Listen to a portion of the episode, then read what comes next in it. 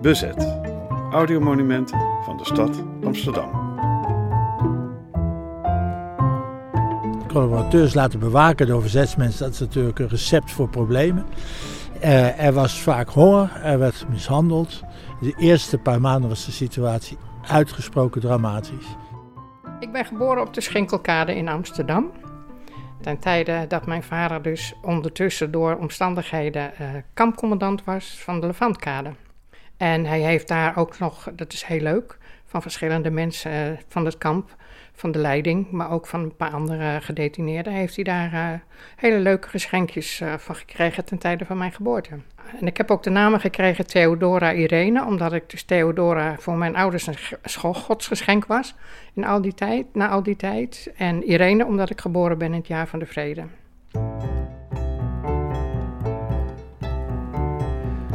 De Levantkade in het oostelijk handelsgebied van Amsterdam ligt er rustig en mooi bij in de lentezon. Deze plek is nu, in de 20e eeuw, een oase van rust in het altijd drukke verkeer van de hoofdstad. Aan de kade staan strakke, meestal nieuwe gebouwen met mooie appartementen en in het water dobberen woonboten in de lentezon. Wat in schril contrast met het verleden van deze plek. Aan deze kade smeerden vroeger de schepen van de Nederlandse stoomvaartmaatschappij, de KNSM, aan. Ze laden en losten vracht uit allerhande hoeken van de wereld. Toen de oorlog in 1939 uitbrak, viel de handel steeds meer stil en kregen de loodsen een andere bestemming. Zo werden hier tussen 10 en 15 mei 1940 Duitsers opgesloten. En toen de bezetter zelf in Amsterdam was, sloegen ze er voedsel op. De hevigste oorlogservaring op deze kades vond plaats direct na de bevrijding. Toen was hier een interneringskamp voor foute stadsgenoten, zoals ze dat noemden. Dat waren Amsterdammers die lid waren geweest van de NSB of die gehuld hadden met de bezetter. En dat is een geschiedenis waar altijd wat minder aandacht aan wordt besteed. En daarom heb ik hier op de kade afgesproken met journalist en historicus Ad van Liemt. Hij weet veel van Kamp Levantkade en over de berechting van foute Nederlanders. Hallo. Hey. Hey, goedemorgen. goedemorgen. Middag. Nou de auto nog kwijtraken. Nou, nou de auto nog kwijtraken, zeker. heel erg vast overal. Ja. Ik ga maar een stukje rijden die kant op, dan kom ik zo terug. Ja? Ja. Ik kan ook met je mee en dan kunnen we samen Ja, teruglopen. Dat is misschien toch handiger, toch?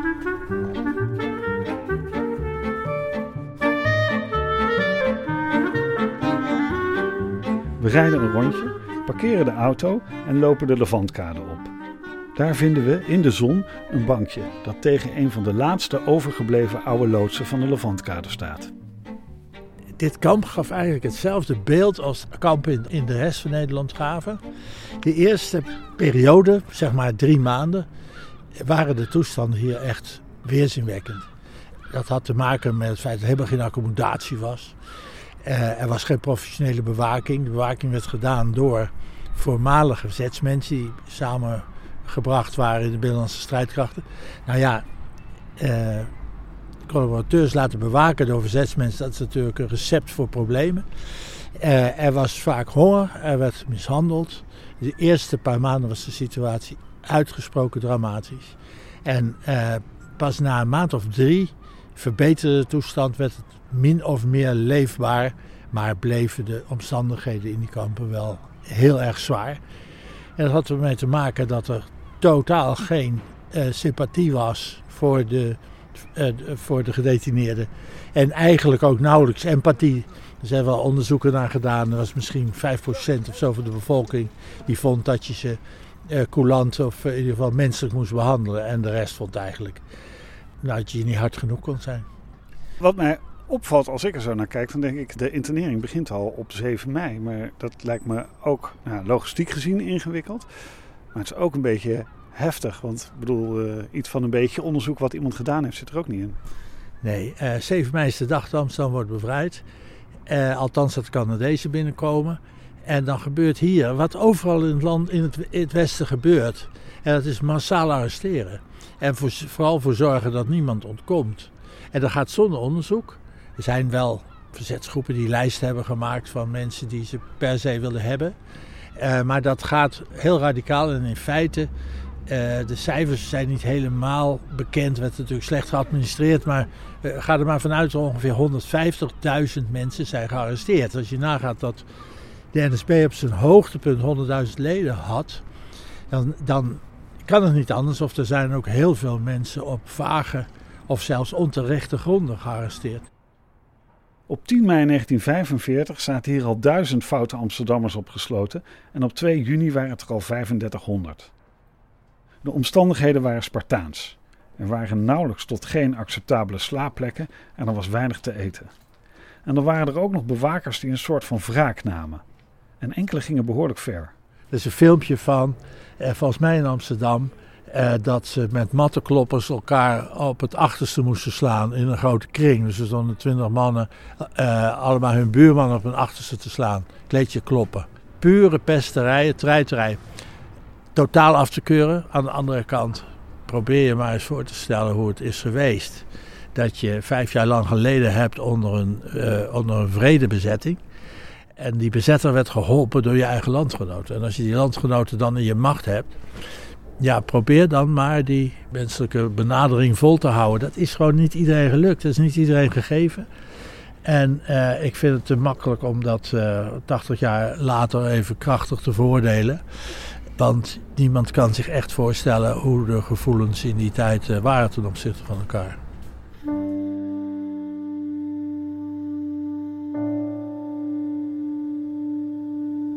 Andere bewakers lieten de gevangenen zogenaamde plaatjes draaien. Ze moesten dan met hun vinger in hun oor en één hand op de grond om een as draaien, net zolang totdat ze flauw vielen en de plaat zogezegd afgelopen was. Afkeurenswaardig misschien, maar ook wel begrijpelijk zo vlak na de oorlog. Een van de mensen die hier in het kamp werkte was Leo Horn, de latere topscheidsrechter in het voetbal. Hij was Joods en had op het nippertje arrestatie en deportatie weten te voorkomen. Hij was hier baas van de kamppolitie. Het verhaal gaat er trouwens het zeker gebeurd dat hij hier in het kamp iemand tegenkwam, waarvan later zou blijken eh, dat het een van de belangrijkste jodenjagers is geweest in de oorlog. Die, die honderden joden heeft gearresteerd en daarvoor betaald werd. Dat kopgeld kreeg. En, eh, die zat eh, zonder dat dat van, hem bekend was op dat moment, zat hij hier op de Levantkade te midden van al die andere NSB'ers. En Horn herkent hem als degene die zijn zusje heeft gedeporteerd. Zijn zusje is niet teruggekomen. En Horn herkent hem en slaat hem helemaal in elkaar. Wat natuurlijk helemaal niet kan, maar wel typisch is voor de situatie in die kampen daarna. Als je iemand tegenkwam waar je, eh, ja, die, die jou zo uh, te na was gekomen, ja, dat is eigenlijk uh, begrijpelijk dat dat gebeurt. Over het algemeen schijnt die hoorn uitstekend gefunctioneerd te hebben. Hij kon wel leiding geven, dat is later wel gebleken. Naast dit soort emotionele botsingen was er een ander groot probleem in het kamp: de verveling. Er was weinig te doen en de rechtszaken lieten maar op zich wachten. Die verveling werd sterk in de hand gewerkt door de onzekerheid die iedereen had over wanneer kom ik aan de beurt, wanneer is mijn zaak aan de orde. Nou, dat was een tergende onzekerheid, want het duurde maanden en maanden en maanden. Het eerste jaar is er bijna niks gebeurd eh, aan, aan uh, berechtingen. Want uh, ja, het was zo massaal als je 150.000 man arresteert. Er is trouwens uh, een poging gedaan om ze al in augustus de lichte gevallen vrij te laten. daar was een heel plan voor, de regering heeft het aangekondigd. En toen stak er een storm aan protest op in het hele land. Woedend was iedereen. Wat? Lichte gevallen vrijlaten? Er zijn geen lichte gevallen. Fout is fout. Dat was de, de, de teneur van de reacties. Dat zie je ook in de kranten terug. En toen heeft de regering dat plan moeten intrekken. En het gevolg was dat er tot, zeg maar, mei 46 bijna niemand is vrijgelaten. Er zitten op 1 januari zitten 100.000 mensen vast. Nog steeds zonder dat daar uh, een proces uh, of een onderzoek naar is. En dat is toch wel echt een enorme belasting geweest. 100.000 mensen buiten het normale gevangenisstelsel vastzetten en bewaken en te eten geven. Zo, dat was een enorme inspanning. Die eigenlijk eh, heel erg gepaard ging met maatschappelijke wrok. En wraakgevoelens van de maatschappij. We moeten deze aanpakken.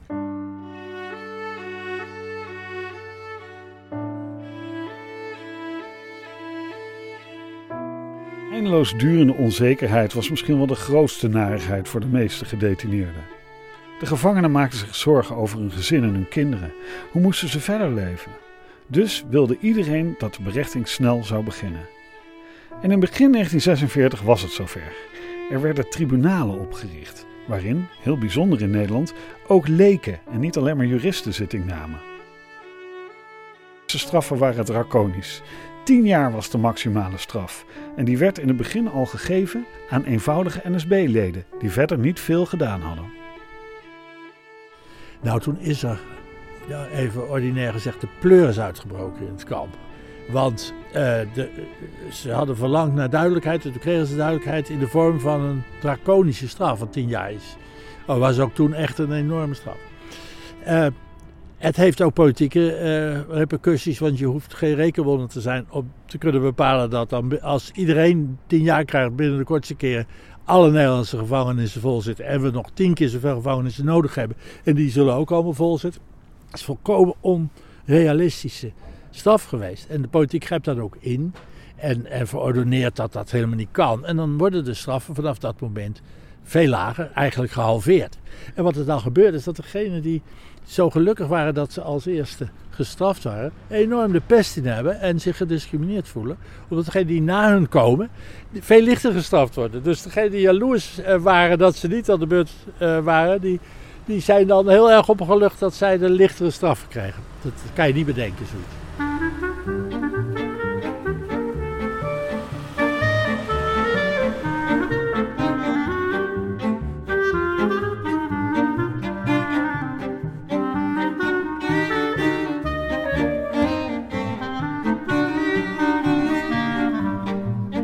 Er moest iets gebeuren in het onrustige kamp. Dat vond ook commandant Taselaar. Hij trekt Wout Jonas aan. Jonas is een oud kapitein uit het leger die na korte gevechtshandelingen in de Betuwe in 1940 was ondergedoken en daarna bij het verzet was gegaan. Wat hij precies in het verzet gedaan had is niet helemaal duidelijk, maar hij had zich in ieder geval wel aangesloten bij de binnenlandse strijdkrachten. Ik bezoek de dochter van Wout Jonassen, Thea Maus Jonassen. Ze woont in Apeldoorn en komt me halen van het station. Het is wel goed dat je gegoogeld had, anders had ik het niet Eenmaal thuis op de bank van haar appartement met uitzicht op de grote kerk, begint ze meteen te vertellen. Mijn vader is daar terechtgekomen omdat um, mijn moeder natuurlijk zwanger was. En hij werd door de major Taselaar gevraagd om een beetje te kijken, orde op zaken te stellen in, uh, op de Kamp Levantkade. Um, ja, er zat natuurlijk een, de kans in dat hij moest worden uitgezonden naar uh, Nederlands-Indië. En omdat hij natuurlijk dolgraag bij de geboorte van zijn eerste kind wilde zijn, is hij uiteindelijk, daar heeft hij daarin toegestemd. Dus eigenlijk had hij er op dat moment niet zo heel erg veel zin in. Maar later heeft hij gezegd van, dat is een van de meest waardevolle uh, jaren van mijn leven geweest. De periode die ik dus echt als zeer zinvol heb ervaren. Ah, en waarom heeft hij het als zo zinvol ervaren? Nou, ik, ik heb het nog net even een beetje doorgekeken, zijn aantekeningen. Um, hij zegt, voor mij was het natuurlijk in de oorlog, is alles zwart en wit. Het is dus goed of het is fout. Hij zegt, maar ik heb in die periode weer allerlei verschillende tinten grijs leren herkennen. Hij zegt, en um, gebaseerd ook op zijn uh, geloof, is hij ervan overtuigd dat ho hoe fout je ook bent geweest, je altijd eh, recht hebt op een menswaardig behandeling. Hij moest, uh, dat was de opdracht, dus door het kamp heen lopen en uh, ogen en oren goed openzetten en eens kijken wat daar aan allerlei misstanden gedaan kon worden. En wat trof hij aan toen hij in het kamp uh, te, aankwam? Eén grote chaos. Eén grote chaos. Er zaten duizenden gedetineerden in verschillende loodsen. er lag alleen wat stro op de grond. mensen zaten opeengepakt, um, kregen amper wat te eten. er was geen eigenlijk helemaal geen enkele vorm van bezighouden. Dus die mensen zaten daar maar te zitten. En er waren ook zieken. Want toen mijn vader daar kwam, waren er in dat jaar, meen 35 uh, gedetineerden al overleden.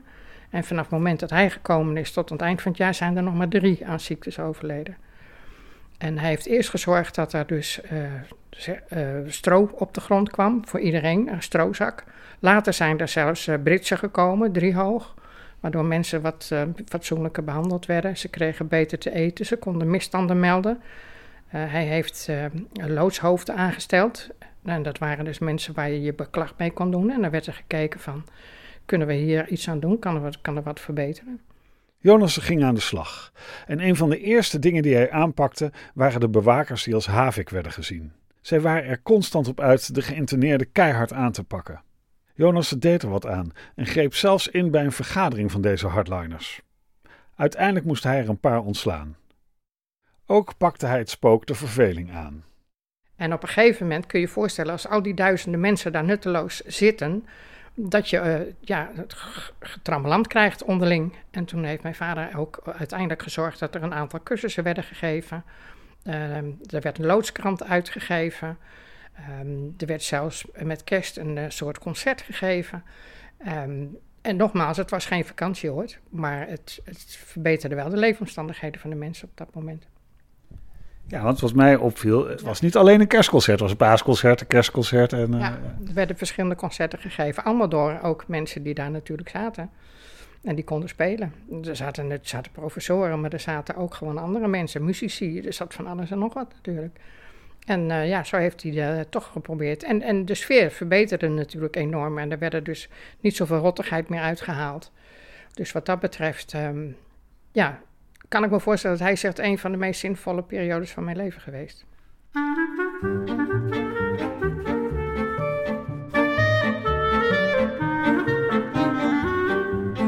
Terug naar de Levantkade in Amsterdam. Ook voor Ad van Liemt vormde de memoires van Jonassen de belangrijkste bron als het om dit kamp gaat. Na de oorlog was nog veel op de bon en het eten voor kamp Levantkade kwam uit de gaarkeuken. Ze betaalden ervoor, maar het was eigenlijk altijd te weinig. Onderweg, de hele keten waren natuurlijk uh, mensen die er belang mee hadden om voedsel achterover te drukken. En er werd ook gewoon minder in de gamellen gedaan. Zij heeft op een gegeven moment een soort commissaris aangesteld die in de uh, gaarkeuken moest controleren of ze wel goed gevuld werd. Op een gegeven moment doet zich een mogelijkheid voor die hij met beide handen heeft aangegrepen. Hij komt erachter dat een van de restaurants van uh, Amsterdam, beroemd, de Poort van Kleven, dat daar de keukeninstallatie gaat worden verkocht. En, uh, en hij ritselt dat die gekocht wordt ten behoeve van het kamp Lavantkade. En daar heeft hij plan mee, namelijk om het voedsel zelf te gaan doen. dat mes snijdt aan twee kanten, want enerzijds wordt het dan beter uh, en, uh, en uh, kun je daarmee voorkomen dat, dat mensen horen lijden. En anderzijds is het ook een, een werkproject. Hij kan de verveling ermee bestrijden. Dus wat gebeurt er? Er wordt een ruimte wordt helemaal omgebouwd tot keuken. Daar komt een flinke groep mannen wordt als keukenpersoneel ingezet. En een enorme groep vrouwen wordt ingezet voor het schillen van de aardappelen en het schoonmaken van de groenten. Jonassen en zijn personeel worden steeds handiger in het regelen van eten. Ze sparen zelfs geld uit. Zoveel dat ze op een gegeven moment zelfs een beetje geld over hebben. Jonassen koopt er een grote partij spekbokking voor, in die tijd een heuse lekkernij. In het kamp kunnen ze dit zeer waarderen, maar daarbuiten is niet iedereen blij met deze actie. Uh, hij schrijft dat zijn vrouw op een gegeven moment verwijt. Ik die man van jou, die zit toch in dat kamp. Daar schijnen ze gewoon allemaal spekbokking te eten. Dat krijgen zij te horen. Uh, uh, en dat wordt in die tijd als een luxe en ook als een schandaal gezien. Hè? Dat die, dat tuig, die, die, die foute Nederlanders daar van onze centen spekbokking zitten te eten. Nou ja, dat vind ik wel heel typerend voor één, voor de situatie in het kamp. En hoe daarna gekeken werd. En ook wel twee, voor de manier waarop de Jonas probeerde het leven een beetje te verhagen. Met meer en beter eten en allerhande activiteiten werd het leven in kamp Levantkade steeds iets draaglijker. Wat echter lastig bleef waren de mensen die onterecht vastzaten. Zij waren in de haast direct na de oorlog opgepakt en opgesloten zonder een echt verifieerbare beschuldiging. En het is ook bekend dat uh, nogal wat mensen zijn opgepakt omdat iemand een klacht tegen ze indiende, omdat hij iets met ze te revancheren had. Dat er een, een, een twist of een kwestie aan ten grondslag lag. En uh, daarvan heeft hij uh, Jonas in zijn memoires een voorbeeld gegeven waar ik eerlijk gezegd nogal van schrok. Het is heel simpel. Er is een mevrouw die in het vrouwenkamp zitten verpieteren. Uh, de vrouwen om haar heen maken zich zorgen. Ze wil niet meer eten. Ze wil eigenlijk niet meer leven. Ze heeft geen contact meer met anderen. En uh, ze waarschuwt de commandant. En die commandant uh, die laat haar bij zich komen. En dan komt en dan vraagt hij mevrouw, het gaat niet goed met u, wat is er aan de hand? En dan zegt ze, nou, ik, eh, het leven hoeft voor mij niet meer. Nou, wat is er dan aan de hand? Ze zegt, nou, ik ben nooit lid geweest van de NSB. Ik heb me nooit uh, anti-Nederlands gedragen. Er zijn twee klachten tegen mij ingediend. Eén door mijn man en één door zijn vriendin. En in dat ene zinnetje zit zo pijloos veel leed en zoveel verdriet en zoveel onrechtvaardigheid. Dat ik, dat, dat, ik, en dat is natuurlijk op grote schaal gebeurd in die periode. Ja, het, was toch een periode van rechteloosheid. Iedereen werd me opgepakt. En er was totaal geen tijd en gelegenheid en mankracht om dat allemaal te checken of dat terecht was. En daar zijn dus echt hele erge dingen door gebeurd. Ondanks dat het steeds ietsje beter werd in Kamp Levantkade, kon ook Jonassen niet voorkomen dat er wat onrust bleef. Op 10 maart 1946 vloog de vlammende pan. Die Jonassen wordt thuis gebeld van je moet komen, want het is hier uit de hand gelopen. Er blijkt een conflict te zijn geweest in het vrouwenkamp. Uh, een bewaker en een van de vrouwen hebben een slaande ruzie gekregen, waarop die bewaker een foto van de, het gezin van die vrouw heeft gepakt en doormidden gescheurd. En toen is iedereen zo kwaad geworden dat er een, een opstand uh, dreigde. En toen heeft een van de bewakers geschoten met zijn pistool. Die voelde zich kennelijk bedreigd. Nou ja, en toen waren de rapen gaar natuurlijk. En Jonassen kwam er snel bij. Die is toen die vrouw brak ingegaan. Hij is op een trap geklommen. En hij heeft geprobeerd ze toe te spreken. Maar toen hij een paar zinnen had gezegd, werd er opeens geschreeuwd: brand, brand. Er was brand in het mannenkamp. Want wat was daar gebeurd? Ze hadden die schoten gehoord en ze dachten: de vrouwen worden vermoord. En dat was hun eerste reflex. Ja, het was net na de oorlog. Uh, en die, toen heeft iemand een strobaal in de brand gestoken. Uh, in dat kamp, in die barak. Waardoor een levensgevaarlijke situatie ontstond. En het brak open, iedereen vluchtte naar buiten. Brandweer gebeld. Nou ja, het, totale chaos in het kamp. Dat is eigenlijk de enige keer dat het volledig uit de hand liep. En dat, kun je je voorstellen als daar duizenden mensen op elkaar gepakt zitten zonder uh, perspectief en met een hele, hele onzekere toekomst. Aan het eind van de zomer van 1946 waren ze zo ver met de berechting dat het kamp Levantkade gesloten kon worden.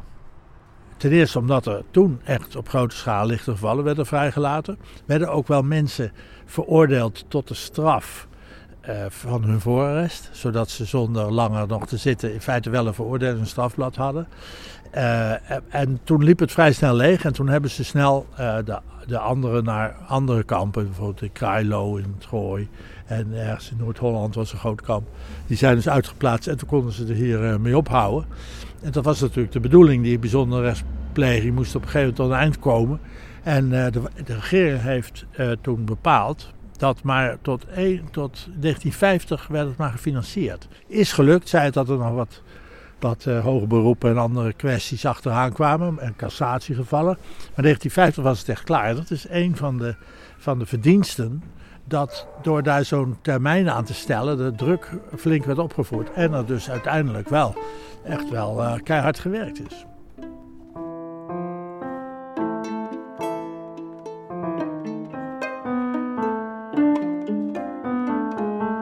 In die vijf jaar dat het speelde, die bijzondere rechtspleging. Wat je er ook over leest in kranten en bladen, het is allemaal negatief. Iedereen is negatief over die bijzondere rechtspleging. Het is te zacht of het is te hard of het, is, het moet veel scherper en de verkeerden worden gepakt en de, de grote jongens gaan vrij uit. Dat is het beeld. Als je er nu naar kijkt, hoe er nu door wetenschappers, zowel historici als juristen teruggekeken wordt op de manier waarop dat gegaan is, is dat eigenlijk dat beeld helemaal omgeslagen. En is er een zekere bewondering dat het gelukt is in Nederland onder die krankzinnige omstandigheden in vijf jaar tijd 65.000 mensen te, te berechten. Want er zijn 50.000 door de tribunalen berecht en 16.000 door de gerechtshoven. Wout Jonassen, de kampcommandant, maakte na de sluiting van het kamp carrière in het leger. En later begon hij een vakantiehuisjespark op de Veluwe, niet ver van waar Thea nu woont. Hij is, zo vertelt Thea, door ex-gedetineerden nog wel bedankt voor zijn handelen in het kamp. De oorlog bleef hem zijn leven lang bezighouden, vooral in de studeerkamer. Uh, mijn vader is direct na de oorlog begonnen met het verzamelen van uh, boeken over de Tweede Wereldoorlog. Um, ook over, hij zijn persoonlijke interesse ging vooral uit naar de illegale pers, naar illegale kranten. En hij was op een gegeven moment in Nederland degene die daar het meeste uh, van in zijn bezit had. Hij struinde dus uh, alle antiquariaatjes af in het hele land. Hij zat ook in de documentatiegroep 4045, daar was hij lid van. En hij heeft zelfs een boekendienst daarvoor opgericht, want er waren heel veel mensen die natuurlijk niet de tijd hadden om al die antiquariaten af te lopen. En dan uh, kwam hij thuis en dan had hij weer een hele stapel boeken. En dan ging dat één keer in de maand een rubriekje in dat blad. En dan bood hij dus al deze boeken voor gewoon de kostprijs aan. Hij hoefde er dus niks aan te verdienen. En uh, hij wist zelfs precies van, oh ja, die vraagt dan dit nu, maar die heeft vorige keer dat boek gehad, dus nou gaat hij naar die. En zo hield hij dat helemaal bij. En ja, mijn moeder werd er wel eens een beetje horendol van, want het was een kamer helemaal ingericht met alleen maar die boeken. Ik kan ook voorstellen dat het dan voor u zelf ook een thema is. Jazeker. Door natuurlijk um, de verhalen van mijn vader en wat hij heeft gedaan en dat hij dat ook als zeer waardevol heeft ervaren, uh, ga je ook op bepaalde manier zeg maar, naar de gebeurtenissen kijken. Um, en ik ben natuurlijk ook geboren aan het eind van 1945. De naam die ik gekregen heb, draag ik ook de rest van mijn leven met me mee. En die is daar eigenlijk ook min of meer mee verbonden.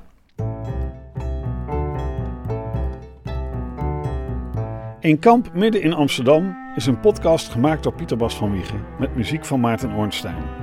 Vind je dit een boeiend verhaal en wil je meer horen? Vergeet ons dan vooral niet een hoge rating te geven in je podcast-app. En abonneer je op onze feed. Bezet audiomonumenten van de stad Amsterdam. Deze podcast is een productie van het Amsterdams 4 en 5 mei comité.